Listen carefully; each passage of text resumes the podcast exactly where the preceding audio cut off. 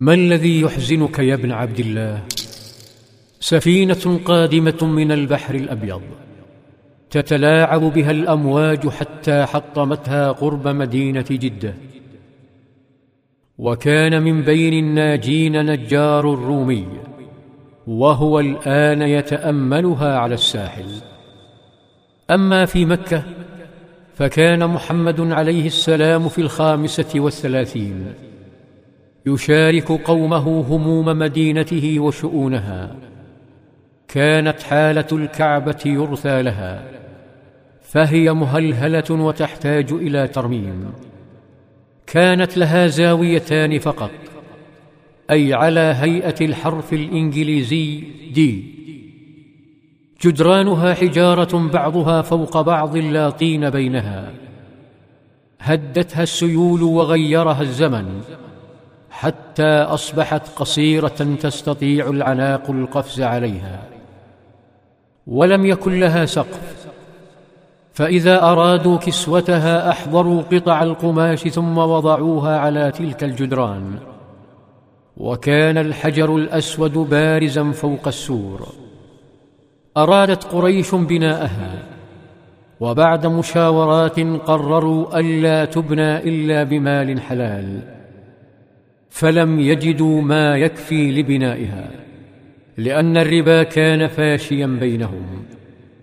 سمعوا بخبر السفينة فتوجهوا نحو جدة فوجدوا النجار عندها فاستأذنوه بأخذ الخشب فأعطاهم إياه وفاوضوه لصنع سقف الكعبة وبابها فوافقهم وسار معهم. ولما وصلوا أحضروا الحجارة من الوادي ثم هدموها وأعادوا تشييدها بارتفاع عشرين ذراعا. كان محمد عليه السلام يشاركهم برفقة عمه العباس وفي يوم انحنى ليحمل حجرا. وكان إزاره ضيقا يعيق حركته فأشار عمه العباس عليه أن يرفع إزاره. فرفعه فبدت عورته وهو يسير في مكان يقال له أجياد. وفجأة أصابه شيء لم يره وصوت مصاحب يقول له غط عورتك. فسقط مغشيا عليه وسقط الحجر بجانبه. رآه عمه العباس فألقى حجره وركض لإسعافه.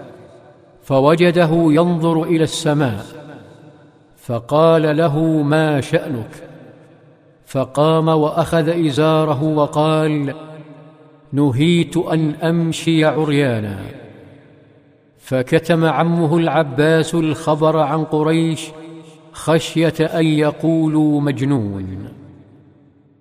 نهض محمد وعمه وأكملا عملهما لكن البناء لم يكتمل.